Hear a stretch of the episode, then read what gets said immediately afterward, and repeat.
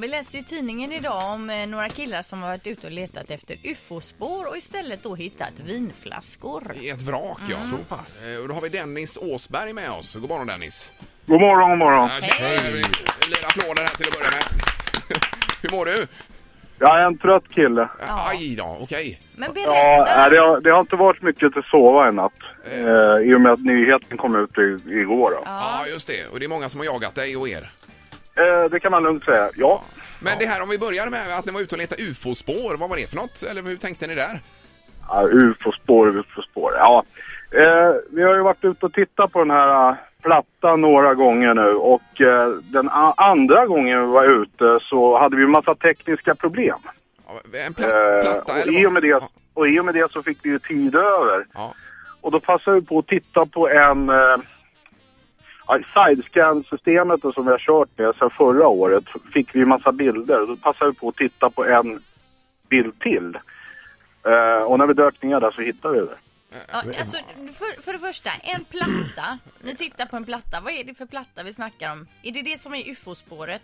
Ja, eller ufo-spår. Ja, det, det är vad folk säger då. ja okej. Ja, just Du, det. du måste tänka på att det är göteborgare du pratar med nu. Ja, ja, ja. Men den här plattan, låg den i vattnet?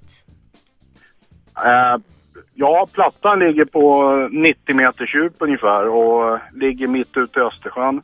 Och ligger inte alls långt ifrån det här vraket som vi har hittat. Och det var ju Nej. det egentligen vi letade efter förra året. Men då hittade vi den här plattan och det tog ju all uppmärksamhet och, Ja, ja. och det är det vi har lagt allt krut på också. Men vad är det för en platta då menar du? Alltså är det något fysiskt eller är det bara att det är en avgjutning i leran där på något vis eller hur? Nej, det är någonting som eh, ligger på en liten kulle eh, som är separerat nästan ifrån botten. Det ligger... Eh, det, är en, det är en sak för sig själv som ligger på botten och som är helt runt. Eh, och som har de här 90-gradiga vinklarna och gångarna och... eh, Ja, ser eh, i mina ögon ut som det är konstruerat. Jaha, Mhm. oj, Och ja, det det var här är ju väldigt extremt spännande. spännande. Ja, Men i det- alla fall, Ja. då gick ni vidare. Hittade det här vraket. Berätta, vad är det för vrak på havets botten ni har hittat? Ja, det är ett vrak som heter Astrid och det vraket det sänktes 1916 Ja, av tysk, eh, en tysk ubåt då. okej. Och det här vraket, eh, ja, det var det vackraste jag har sett. Med galjonsfigur, eh, där till och med guldet satt kvar, bladguldet. Oj. Den här vackra kvinnan som stack ut där. Det var bland det första vi såg när vi skickade ner ROVn. Ja, Och eh, ROVn som ni vet är ju en robot som vi använder. Jajamän. ja det, det Det vet vet vi vi nu. nu. Ja, absolut. Eh, Och då eh, i detta vrak så hittar ni alltså vinflaskor då? Ja, precis. Och det var det första de hittade dykarna. Eh, för att när vi väl hade varit ner med ROVn så konstaterade vi ju då att det är ett vrak. Och då ville vi ju ha ner dykarna för att se vad det är på vraket. Ja. Ja, det är klart. Och då eh, öppnade vi lådor som eh, var på däck, större variant. Och eh, det första de hittade var flaskor. Ja, det är ju fantastiskt. Herrarna. I flaskorna är det vin då och eh, några av de här flaskorna var drickbara eller?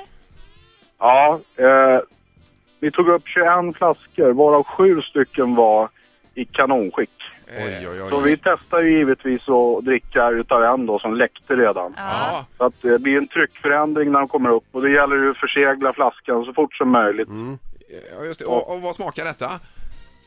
Ja, det, det var det absolut godaste jag har druckit. Oj, oj, oj. La- Lagrat på 90 meters djup då i eh, ja, 100 år kan man 100 säga år nästan. nästan. Ja, det kan väl inte bli bättre. Nej. Svart också. Ja, herregud. Och de Ja. här resterande flaskorna ska nu säljas. Ja. Och vad kostar en sån flaska? Ja, jag, jag vet inte. Det, det är jättesvårt att säga. Det finns ju en historik bakom det och sen finns det ju...